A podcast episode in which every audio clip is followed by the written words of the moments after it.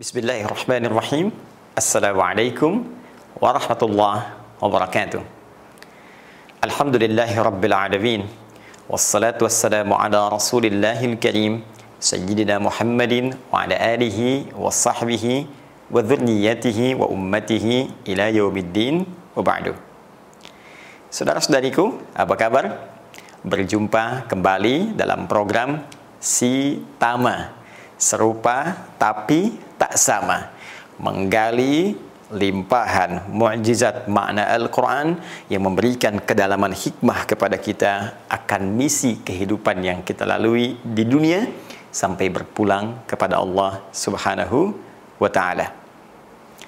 Saudaraku, dalam pertemuan perdana kita telah membahas tentang rahasia nama manusia yang sering kali diterjemahkan serupa dalam makna di mushaf namun ternyata ia memiliki ungkapan kata berbeda dalam Al-Quran. Dari empat nama setidaknya yang disebutkan, baik itu bashar, ins, insan, dan annas, keseluruhannya hampir diterjemahkan serupa dalam Al-Quran berarti manusia. Setelah kita uraikan pembahasan tentang bashar di pertemuan yang lalu, kini saatnya kita mengungkap hakikat makna al-ins ketika disebutkan dalam Al-Quran. Hati-hati, jangan-jangan sudah puluhan tahun menjadi manusia, tapi belum paham bahkan tentang identitas dirinya. Baik, Kata al-ins di dalam Al-Quran yang sering kali diterjemahkan dengan manusia pernah dianalisis bahkan oleh salah satu ulama perempuan yang pernah hidup di muka bumi dan itu kontemporer salah seorang ahli Al-Quran bernama Aisyah Abdurrahman dengan nama Pena bintu Syati.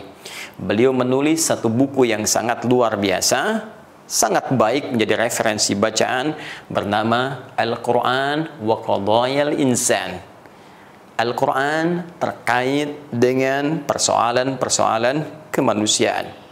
Beliau menganalisis dalam Al-Quran tentang makna dan diksi kata al-ins ditemukan uniknya. Kata ini sering kali dipasangkan dengan kata jin, al-jin, dan disebutkan pasangan ini setidaknya sebanyak 18 kali di dalam Al-Quran. Quran surah ke-51 ayat 56 wa ma khalaqtul jinna wal ins illa liya'budun. Quran surah ke-55 ayat ke-33 ya ma'syaral jinni wal ins ini istata'tum an tanfudhu min aqtaris samawati wal fanfudhu la tanfudhuna illa bisultan. Di surah yang sama di ayat ke-74 lam yatmithunna insu qablahum wala jan selalu senantiasa bersanding jika disebutkan ins muncul jinnya. Jika disebutkan jin bersanding insnya. Lantas apa makna ins ketika disebutkan dalam diksi pilihan di firman Allah yang terangkum dalam Al-Qur'an itu? Baik di sini saatnya coba kita gali. Teman-teman sekalian ternyata pendalaman kebahasaan dan ini penting untuk dikaji karena Al-Qur'an difirmankan oleh Allah dengan bahasa Arab.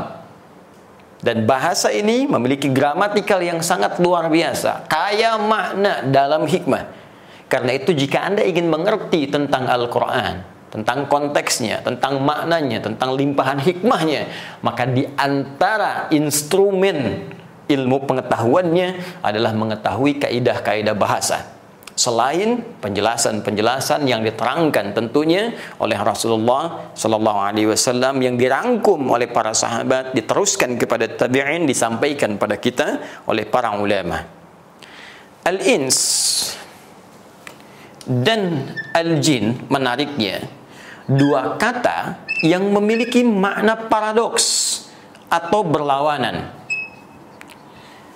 Secara bahasa Ins bisa berarti sesuatu yang tampak. Mana pertama? Sedangkan jin sesuatu yang tersembunyi. kalau saya berikan teman-teman rumus cepat ya dalam bahasa Arab, setiap ada kalimat yang di dalamnya diawali dengan kata jim, kemudian nun, apa pun huruf setelahnya itu umumnya bermakna sesuatu yang tersembunyi. Contoh, janin, ya janin. Kalau kita tuliskan jim, nun, ya nun, janin Awalnya jim, kemudian nun. Kenapa janin disebut dengan janin? Karena ia tersembunyi, ya tak nampak berada dalam rahim ibunda yang tengah mengandung itu. Surga, ya disebutkan diksinya dalam Al-Quran dengan kata jannah. Perhatikan baik-baik. Jannatun, jim, nun. Setelahnya tak marbutah. Kenapa jannah disebut dengan jannah, surga disampaikan dengan jannah karena sekarang belum tampak dalam pandangan kita. Jin disebut dengan jin karena memang sifat penciptaannya dia diciptakan dalam keadaan yang tersembunyi, tak nampak dalam pandangan kita. Berbeda dengan manusia, Ketika dipasangkan dengan kalimat jin, maka diksi yang disampaikan oleh Allah menggunakan kata ins yang di antara maknanya sesuatu yang tampak, terlihat sosoknya. Karena itu tidak ditemukan ada bayi terlahir, tangisan terdengar, tapi wujudnya nggak ada. Ya, ya, tapi dicari wujudnya nggak ada itu mustahil. Pasti terlihat, pasti tampak ada wujudnya. Maka sebagian ulama kemudian menyampaikan satu pendalaman yang sangat luar biasa, memberikan kesan bahwa fitrah manusia itu itu pasti akan tampak dalam kehidupannya, terlihat, muncul. Nah, sebaliknya jin tidak tampak, tersembunyi. Nah, makna terbaliknya, jika ada jin di sini melakukan penampakan misalnya, ini menunjukkan jin sedang keluar dari fitrahnya. Ini menunjukkan jin sedang punya masalah. Ya, jadi jin menampakkan saja itu sudah bermasalah, apalagi manusia yang cari-cari penampakan jin. Pun demikian sebaliknya, manusia itu biasa tampak. Ya, keluar rumah tampak, masuk rumah tampak, datang ke kantor terlihat, keluar kantor terlihat. Sebaliknya, jika ada manusia yang senang sembunyi-sembunyi, masuk ke rumah sembunyi-sembunyi, Masuk kantor, sembunyi-sembunyi. Pulang kantor, sembunyi-sembunyi. Eh, masuk masjid, sembunyi-sembunyi. Ini menunjukkan dia sama dengan Bukan, bukan sama dengan jin. Awas, jangan tebak-tebakan. Sama dengan sedang keluar dari fitrahnya secara singkat, dia sedang punya persoalan. Satu. Baik. Dua, kita bahas kebahasannya dulu, teman-teman sekalian. Dua, ins itu bisa berarti sosok yang lembut. Dari kata al-anas, anisah, al-uns, sesuatu yang lembut, ramah. Lembut, ramah. Baik. Sebaliknya jin punya bawaan makna yang kasar. Sulit diatur, urakan, kasar. Karena itu tidak pernah kita mendengar misalnya ada jin melakukan penampakan tiba-tiba menjadi lembut. Dia mengatakan misalnya permisi Ustaz, bolehkah saya ikut ta'lim? Mustahil. Jin fitrahnya tidak ada kelembutan. Karena itu sekalipun ia masuk ke dalam tubuh seorang manusia, pasti tidak akan berubah menjadi lembut. Kalau tidak mengacau dengan tindakannya, mungkin dia akan meracau dengan kata-katanya. Namun sebaliknya, manusia al-ins ketika diciptakan oleh Allah Subhanahu wa taala, fitrahnya berlawanan dengan karakter jin. Bila jin itu kasar, manusia itu lembut. Manusia itu ramah. Dan dengan kelembutan ini, Allah bahkan memberikan informasi yang sangat indah, menunjuk pada karakternya, sifatnya, ya, tampilan etisnya, normanya di Quran surah ke-17 itu ayat ke-70. Walaqad karramna bani Adam. Sungguh kami telah muliakan ya karoma yakrumu ya karim karamah itu menunjuk pada kemuliaan sifat dan sikap ya karena itu kalau ada orang baik tuturnya baik pandangannya baik kemudian sikapnya maka orang Arab mengatakan masya Allah huwa rajulun karim dia orang yang sangat mulia dia orang yang sangat baik Nah manusia disebut oleh Allah bawaannya itu baik. Ya karena itu ketika seorang manusia berbuat yang tidak baik, fitrahnya akan menolak. Kalau Anda mau tes, silakan. Orang yang tidak pernah berdusta, kemudian dia mencoba untuk berbohong. Ketika lisannya berkata yang tak baik, hatinya pasti akan menolak. Itu tidak benar. Ya, pun demikian, ketika lisan berkata kasar, padahal sebelumnya Anda tidak terbiasa mengucapkannya, tak punya kosakata yang buruk itu, begitu lisan mengucapkan, hatinya pasti akan mengingkari. Kenapa? Karena fitrah manusia jauh dari kekasaran. Fitrah manusia jauh dari sifat-sifat yang buruk mencekam. Fitrahnya lembut dan ramah. Karena itulah penting kita kembali pada pedoman Al-Quran. Ketika mengajarkan bagaimana kita bersikap, maka Allah membimbing kita dan mencegah dari hal-hal yang bisa mengeluarkan kita dari fitrah kemanusiaan. Contoh, Quran surah ke-49 ayat 11 sampai 12 itu bagaimana Allah meminta kita menjaga lisan supaya tetap dalam keramahan, kebaikan, kelembutan itu. Ya ayyuhalladzina amanu. Hei orang-orang yang telah menyatakan dirinya beriman kepada Allah Subhanahu wa taala, la yashar qaumin qaum. Jangan saling mencela. Karena mencela itu kasar. Mencela itu buruk, ya sebetulnya cukup jadi manusia saja lembut. Jadi kalau ada orang yang terbiasa mencela, kata-katanya kasar, jorok, maka patut dipertanyakan kemanusiaannya. Apalagi kemudian dia mengaku beriman. Ya, la yaghtab ba'dukum ba'dha. Jangan gibah, jangan gosipkan orang. Ya, jangan bicarakan keburukan-keburukannya karena engkau itu makhluk lembut, kau makhluk baik. Kalau ada kegiatan yang spesifik hanya menyoal orang lain, ini menunjukkan ada fitrah kemanusiaan yang sedang bergeser dari relnya. Apalagi jika itu dilakukan oleh insan yang beriman. Baik, ini baru dari segi pengertian bahasa yang tentunya tidak akan jauh dan keluar dari turunan-turunan petunjuk Al-Quran. Sekarang, mari kita lihat tentang turunan makna al-ins dalam paparan Al-Quran. Seperti apa esensi atau hikmah penamaan manusia dari sudut pandang Al-Quran bukan sekedar dari tuturan atau uraian kebahasaan saja. Baik, teman-teman sekalian, jika kita gali penjelasan Al-Quran, maka setidaknya kalimat al-ins ini umumnya akan mengerucut pada satu pemaknaan terkait dengan misi utama manusia saat ia beraktivitas di bumi hingga kembali kepada Allah Subhanahu wa taala. Inilah esensi misinya. Hati-hati. Baik itu Anda yang menjadi seorang guru, Anda yang menjadi seorang pejabat, seorang pengusaha, seorang birokrat, diplomat, pedagang, apa pun itu Sepanjang Anda manusia, maka esensi semua passion, semua aktivitas kita itu akan mengerucut kepada misi yang akan dipertanggungjawabkan di hadapan Allah Subhanahu wa taala. Dan ketika Allah melekatkan esensi misi kita ini, disebutkanlah nama ins dalam paparan dimaksud.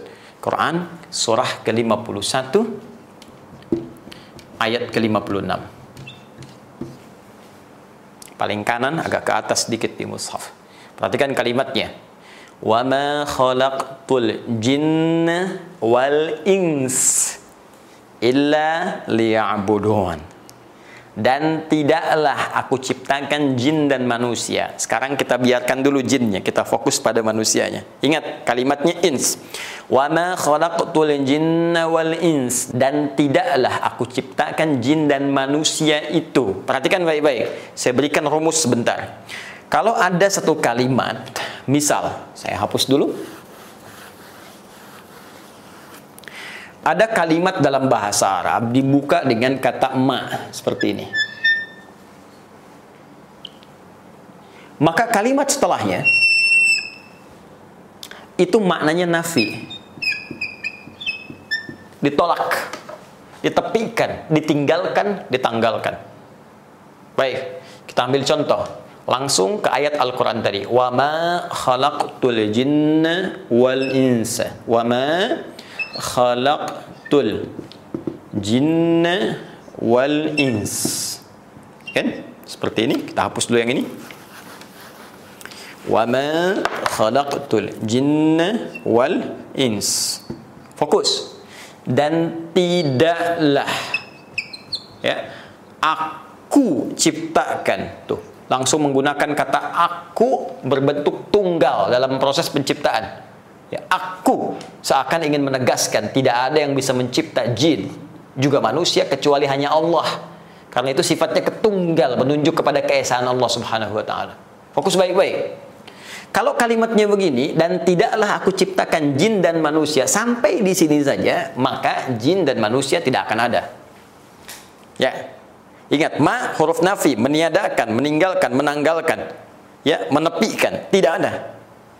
Nah, kalau dari sini kita akan menetapkan satu, menafikan yang lain, ini hilangkan semua, tetapkan yang satu, maka tambahkan illa setelahnya, ditasbit atau isbat. Illa ini Fokus. Wa ma khalaqtul jinna wal ins dan tidaklah aku ciptakan jin dan manusia illa kecuali kalau ada kecuali berarti ini semua ditepikan kecuali menunjuk pada yang ini saja. Nah, setelah kecuali ini apa keterangannya? Pakai lam ternyata. Li Allahu akbar, indah sekali. Ya buduni liya'buduni. Kalau menunjuk kepada objek lagi, benda lagi, makhluk lagi, maka yang ditafsirkannya, yang ditetapkannya langsung makhluknya. Contoh, wa ma khalaqtul jinna wal ins illa Adam misalnya. Disebutkan makhluknya. Tidaklah aku ciptakan jin dan manusia itu kecuali hanya Adam saja. Artinya jin nggak ada, manusia lain nggak ada kecuali Adam. Jelas? Tapi kalau menggunakan lam, li, dan setelahnya kata kerja, maka ini menunjuk pada satu tujuan. Penetapan sebuah tujuan. Ya. Paham? Oke, kita kasih bandingan supaya lebih dalam pengertiannya. Lihat sini. Ma nafi itu sama juga dengan la nafi. La. Jadi kalau hurufnya sama-sama menepikan, menyediakan, ya, hurufnya sama-sama menepikan, meniadakan, bisa menggunakan ma, bisa menggunakan la. Contoh pakai la, la ilaha. Ya, syahadat kita asyhadu alla ilaha. Ininya nafi. La ilaha, tidak ada Tuhan. Sama sekali nggak ada. Sampai sini artinya menafikan Tuhan. Paham nihilisme yang tertolak dengan sendirinya. Baik. Kemudian setelah itu ada illa. Illa. Ah, illa. Kita menafikan semua Tuhan. Illa setelah la di sini ada illa. Illanya disebut tasbit atau isbat untuk menetapkan. Nggak ada Tuhan kecuali Allah. Kecuali Allah saja yang Tuhan, yang lain tidak. Jadi di sini bukan menunjuk pada tujuan, tapi penetapan bahwa Allah adalah satu-satunya Tuhan dan menolak yang lainnya dipertuhankan. Tapi kalau kalimat setelah illa ini menunjukkan kata kerja, apalagi diawali dengan lam harakat kasrah, maka ini kembali menunjuk makna awal tadi tujuan. Makanya lam ya di sini bisa diartikan dengan ghayah, lam yang menunjuk pada tujuan sesuatu. Seakan-akan Allah ingin menyampaikan, tidaklah aku ciptakan jin dan manusia itu kecuali tujuan penciptaannya itu hanya ini. Jadi kalau manusia dan jin atau kita saja sekarang sebagai manusia setelah diciptakan tidak mengerjakan apa yang Allah firmankan di ayat ini, maka seakan-akan kita keluar dari jalur penciptaan itu. Kalau bahasa tegasnya kayaknya nggak dianggap manusia gitu. Karena tujuan diciptakannya untuk ini. Jadi kalau nggak ngerjakan nggak dianggap. Jelas, diabaikan oleh Allah. Nah sekarang apa tujuan penciptaannya itu? Esensinya apa? Sampai kita berpetualang di bumi menjadi khalifah, saling menggantikan. Khalifah itu di antara maknanya saling menggantikan. Wa khalafa ba'duhum ba'dan i'adha'us salah. Dan kami akan gantikan satu generasi dengan generasi yang lainnya. Kalau sudah ada umat yang lalai maka datang umat yang lebih baik. Gantikan. Kita dengan keluarga saling menggantikan. Ayah meninggal, anak datang. Anak meninggal, cucu datang saling menggantikan karena itu disebut dengan khalifah salah satu maknanya nah esensi kekhalifahan kita apa pun status aktivitas kita passion kita mau pengajarkah diplomatkah birokratkah dan tadi seperti kita ungkapkan tetap esensinya ya budun supaya aktivitas itu menjadi ibadah. Ini intinya. Itu esensinya. Ya. Ibu yang sedang merawat anak, bagaimana caranya dalam merawat itu sebagai ibadah tujuannya kepada Allah Subhanahu wa taala. Duhai teman-teman, Anda yang bekerja di birokrasi, sudahkah meniatkan pekerjaan Anda sebagai ibadah karena Allah? Di diplomasi, apakah tugas diplomasi Anda diniatkan sebagai ibadah karena Allah? Hei teman-teman yang berniaga, apakah sudah meniatkan niaga Anda untuk beribadah kepada Allah? Duhai juga kami para ustadz, apakah benar ceramahnya diniatkan karena Allah? Atau jangan-jangan hanya menarik peminat saja, menambah subscriber saja untuk di media sosial, naikkan popularitas saja. Jangan-jangan selama ini menyampaikan segala hal tujuannya ternyata bukan ibadah. Ya. Atau lebih besar lagi, apakah selama ini dari sejak tidur sampai bangun tidur lagi kegiatan kita sudah menjadi ibadah di hadapan Allah Subhanahu wa taala? Coba dicek. Hati-hati. Ada hitungan sederhana yang menyebutkan bahwa setengah usia manusia itu umumnya dipakai tidur. Jadi kalau ada orang bayangkan ya, usianya misalnya 40 tahun lah. Ya, usia kematangan seseorang misal 40 tahun. Ya, kalau tesis sederhana ini digunakan berarti setengahnya ya itu 20 tahun dipakai tidur. Ya. Ini tentunya butuh pendalaman, tapi ini secara umum saja dari bayi banyak tidur, setelah dewasa tidur siang, tidur malamnya, tidur kecapeannya dikumpulkan. Misal setengah usianya. Berarti yang digunakan beraktivitas, yaitu sisanya. 20 tahun digunakan beraktivitas. Berarti di sini makannya, di sini minumnya, kerjanya, candanya, termasuk maksiatnya, dari sini semua. Saya mau tanya, dari 20 tahun ini, berapa yang sudah jadi ibadah? Hmm. Jangan lu pesimis. Kita ambil setengahnya, 10 tahun ibadah. Tuh. Baik. Dari yang ibadah ini 10 tahun, mungkin sholatnya kita hitung, puasanya, zakatnya, ada hajinya, umrahnya, sudah pasti diterima. Sedangkan syarat diterima ibadah ada keikhlasan. Wa ma umiru illa liya'budullaha mukhlishina lahuddin. Quran surah 98 ayat 5 itu dan tidaklah mereka diperintahkan untuk mengerjakan ibadah itu. Lihat di Quran surah 51 ayat 56 tuh illa liya'budun. Di Quran surah ke 98 ayat 5 wa ma umiru illa liya li-nya muncul lagi. Liya'budullah ni-nya langsung diserahkan ke Allah dan tidaklah mereka diperintahkan untuk beraktivitas kecuali menjadikan aktivitasnya sebagai ibadah karena Allah lahuddin dan berusaha ikhlas menunaikannya. Pertanyaannya dari 10 tahun beribadah berapa tahun yang ikhlas? Hmm. Boleh jadi sedang sholatnya ria karena ingin dilihat orang. Tarawehnya kemarin pengen tampak orang lain. Huh? Baca Qurannya pengen terdengar orang, pengen terupdate statusnya. Bahkan doanya pun pengen diaminkan di Facebook. Aminkan ya yang suka like ya. Coba berapa? Dari sekian ibadah kita yang ikhlas berapa? Ambil setengahnya bisa. Ambil lima tahun. Jadi orang yang berusia 40 tahun, misi produktifnya, ibadah yang berpeluang besar dibawa ke hadapan Allah dengan keadaan lapang itu cuma lima tahun. Sekarang dosanya berapa tahun? Maksiatnya berapa tahun? Terus semudah itu Anda ingin mengatakan, saya pengen ke surga. Kita akan dihisab, teman-teman sekalian. Akan dihisab.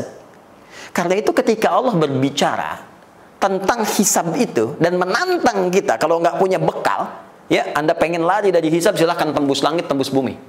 Buka Quran surah ke-55 ayat 33 itu. Ya ma'syarul jinni wal ins. Hey, semua kalangan jin dan manusia. Ya, ins kalimat yang digunakan.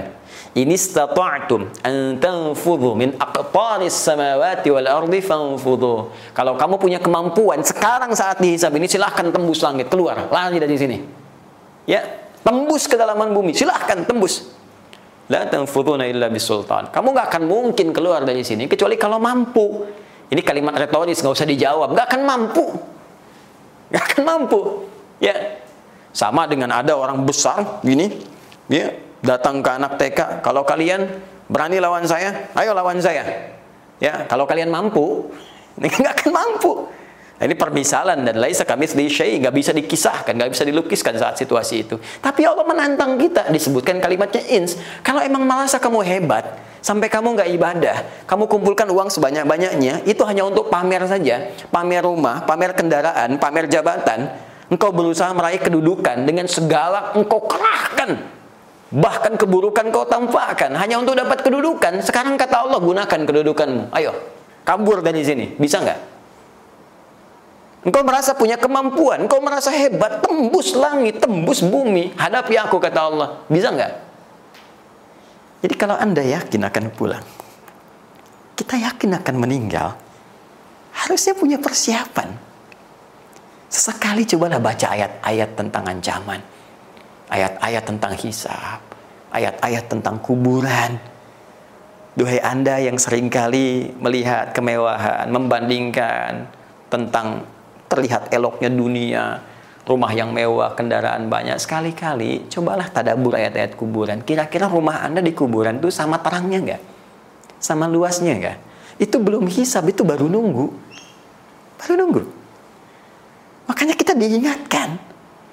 Dan yang paling dahsyat ketika Anda mengatakan saya pengen ke surga, surganya Firdaus, saat diungkapkan surga pun ya sebagai apresiasi dari hasil pekerjaan kita saat di bumi mengusung misi ibadah. Dari sini dapat poin namanya pahala. Dari pahala ini kita bawa pulang kepada Allah. Ya, dan kita mempertanggungjawabkan semua kegiatan ibadah kita. Lantas dengan rahmat Allah dimasukkan kita ke dalam surga. Saat masuk surga pun yang disebutkan kalimat ins. Silahkan buka di ayat 74-nya di surah yang sama Ar-Rahman. Lam yatmithhunna insun qablahum wala jan. Ins. Disebutkan duluan.